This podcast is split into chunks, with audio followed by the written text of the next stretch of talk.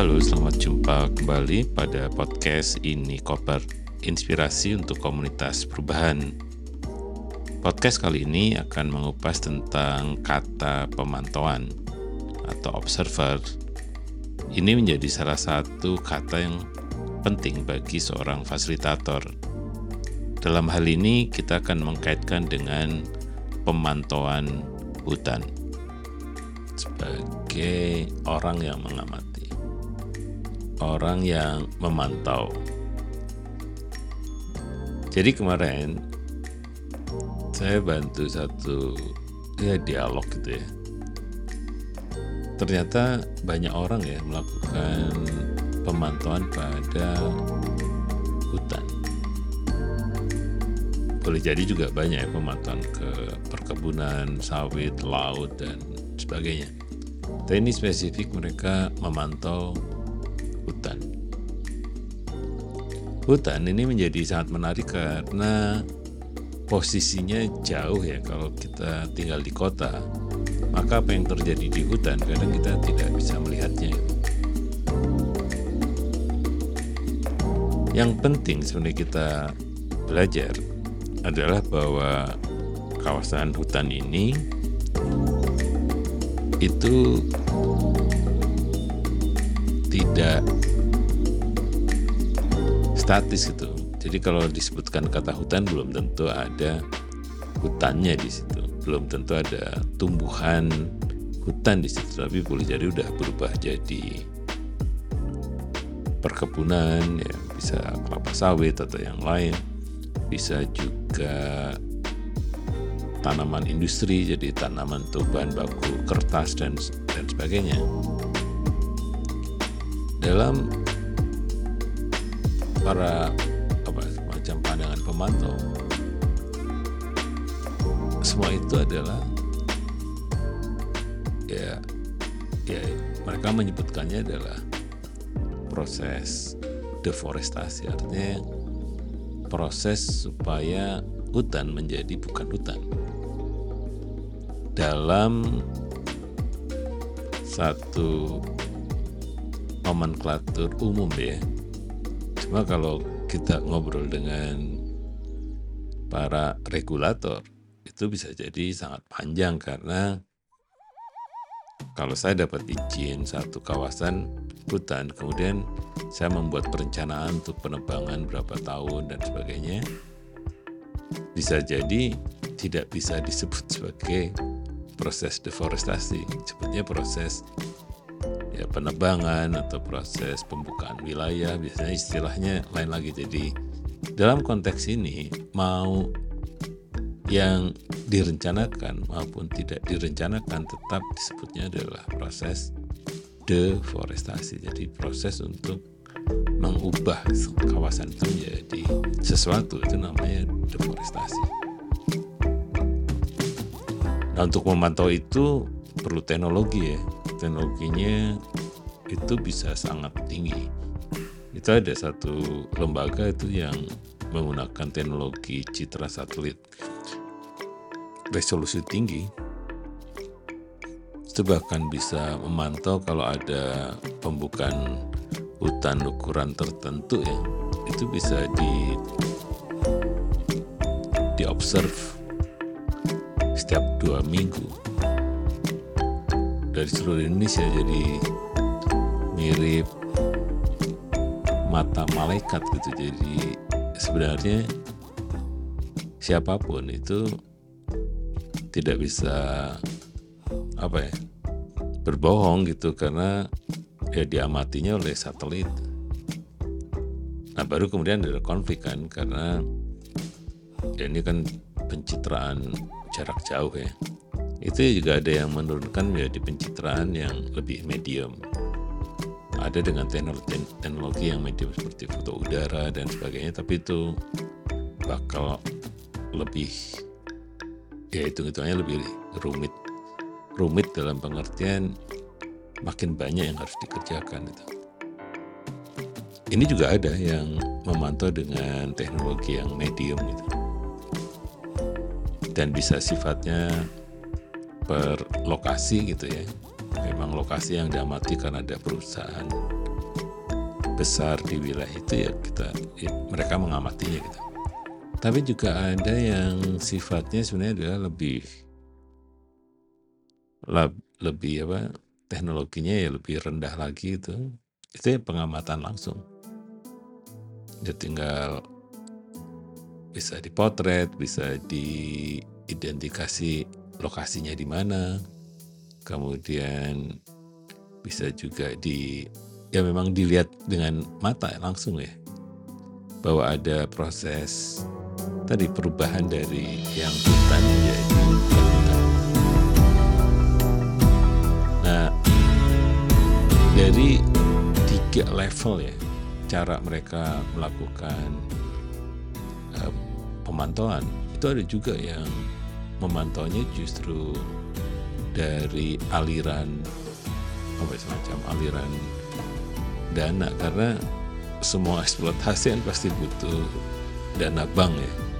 Nah ini bank apa saja yang membiayai proses itu itu juga di dipantau. Keren banget kan? Jadi itu nggak bisa lepas juga karena pasti ada aliran uang gitu aliran uangnya bisa dari tadi bank, bisa juga dari perusahaan ke bank karena pasti ada proses ekspor impor dan sebagainya. Itu juga diamati. Jadi ada yang pemantauannya bukan dalam pengertian tadi si hutan dalam bentuk nyatanya tapi seperti off forest ya. Jadi hutan di di luar hutan itu. Belum lagi kalau diamati dari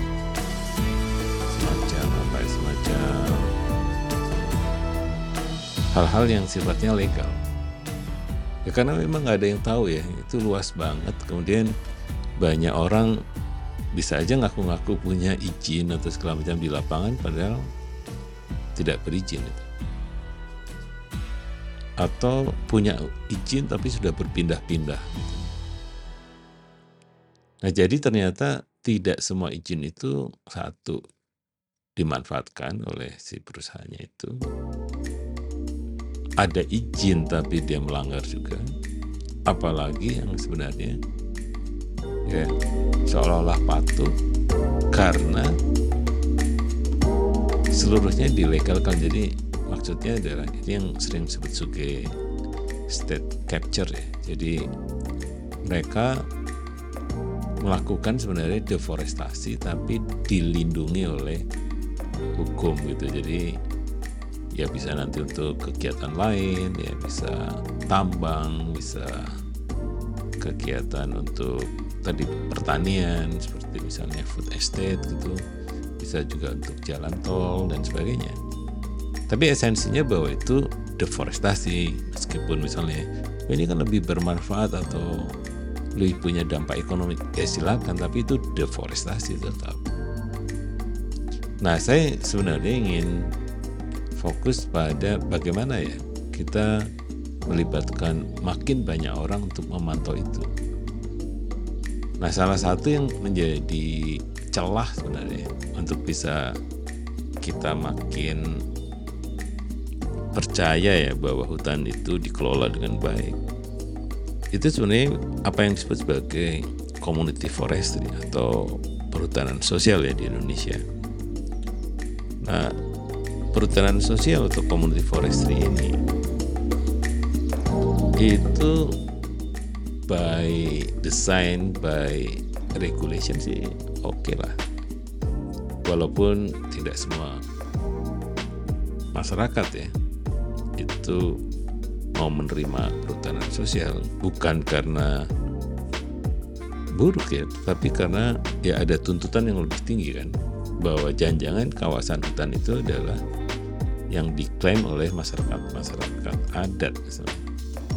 Karena mereka merasa sebelum Belanda, sebelum Republik Indonesia, mereka sudah tinggal di situ. Jadi kenapa tiba-tiba kawasan mereka diklaim sebagai kawasan hutannya negara gitu. Jadi ini juga banyak ya.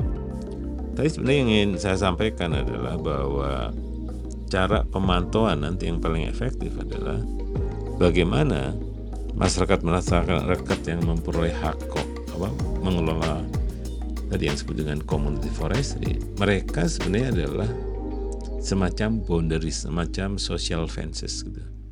Jadi mereka pagar sosial yang memastikan bahwa hutan-hutan itu tetap. Jadi mereka yang bisa dengan cepat, faktual, melaporkan pada sebuah sistem yang kemudian itu bisa dipublikasi sehingga pemantauan hutan itu sebenarnya sifatnya inklusif ya. Tidak proyek by project atau organisasi by organisasi, tapi semuanya sebenarnya adalah menjadi mata malaikatnya Jadi semacam magic eye gitu. Dan ada organisasi yang menggunakan itu juga ya semacam eye on the forest. Jadi mata yang selalu fokus pada hutan. Jadi sebenarnya saya ingin sampaikan bahwa perhutanan sosial atau community forestry itu seharusnya tidak hanya ya membantu sosial ekonomi masyarakat, tetapi sebenarnya harusnya digagas sebagai social boundaries. Jadi justru pemantau bahwa hutan-hutan di kawasan negara itu itu dijaga oleh para social forester ini. Nah, kalau ini yang terjadi maka ya balance ya antara kekuatan negara dengan kekuatan masyarakat. Ya untuk memastikan bahwa tidak terjadi proses deforestasi. Nah, kenapa deforestasi ini menjadi penting? Karena janjinya pemerintah sendiri untuk ya bisa melakukan apa yang disebut dengan polunetzing. Jadi maksudnya adalah bahwa hutan dan lahan itu tidak mengeluarkan kembali emisi atau kalau mau mengeluarkan emisinya itu juga harus ada kegiatan yang menurunkan emisi gas efek rumah kaca tadi. Nah, kalau ini yang bisa dilakukan, pemerintah pun ya tidak bisa berkelit bahwa harus apa bahwa yang telah direncanakan itu untuk tujuan-tujuan ekonomi yang besar itu ya tidak tidak bisa juga menggunakan cara lama ya atau jalan lama di dalam pembangunan ekonomi. Karena itu seperti Emil Salim ya itu saya pernah mendengar bagaimana sebenarnya kekayaan kita di hutan itu semacam katalog ya dalam bentuk biodiversity yaitu keragaman biodiversitas. Yang sebenarnya kita belum tahu apa-apa tentang kekayaan ini. Nah, kalau kekayaan ini bisa di apa dijaga aja dulu karena kita nggak tahu kan semacam ini ada kartun tapi isinya kita nggak tahu apa apa ya jagain aja dulu. Karena masa depan saya yakin fokusnya adalah pada ekonomi. Ekonomi yang berbasisnya adalah biodiversity. Itu yang saya tangkap juga pada para entrepreneur ya yang sudah melampaui Eh, kegiatan-kegiatan perdagangan, tapi sudah mulai invention, melakukan penemuan-penemuan sehingga kadang kita saat ini menemukan produk-produk dari alam yang sebelumnya kita tidak dengar gitu. Mungkin ada teh bunga ini ya atau kopi dari apa rasa ini dan dan sebagainya itu akan semakin banyak. Itu kan memang sudah populer ya. Tapi ada banyak mulai dari parfum ya misalnya sabun dan sebagainya itu kalau kita lihat itu semuanya dari alam dan masih banyak yang seperti itu yang belum dieksplor ya. Karena yang yang muncul kan memang dari hal-hal yang sudah digunakan oleh komunitas juga kan. Tapi masih banyak yang sifatnya masih hidden ya tersembunyi itu. Dan itu harta karun. Nah kalau hutannya ditebang ya kita sebenarnya sedang membunuh masa depan kita sendiri. Jadi itu saja celotehan tentang tadi. Saya tertarik pada tadi kegiatan pemantauan hutan yang itu sebenarnya para hero ya yang mengamati terus-menerus bagaimana hutan bisa tetap berfungsi sesuai fungsinya sehingga kita tidak memperoleh bencana yang buruk. Tapi juga bagaimana sebenarnya ini bisa memanfaatkan atau melibatkan masyarakat yang sangat luas sehingga ownership hutan itu juga sebenarnya ownership seluruh warga bangsa ini gitu. Bukan hanya dikuasai oleh satu dua kementerian yang seolah-olah itu adalah wilayah yang yang apa ya yang suci gitu ya, yang masyarakat tidak bisa terlibat di dalam pemantauannya. Dan pada akhirnya sebenarnya adalah tadi yang saya sebutkan hutan itu adalah harta karun harta karun biologi ya yang sumber-sumber biologi yang sebenarnya lebih baik dijagain sebelum kita tahu tentang apa saja yang sebenarnya kita bisa kembangkan untuk kehidupan yang lebih berkelanjutan. Jadi tidak lagi mengekstraksi apa yang ada di alam kita. Sampai jumpa pada edisi berikutnya.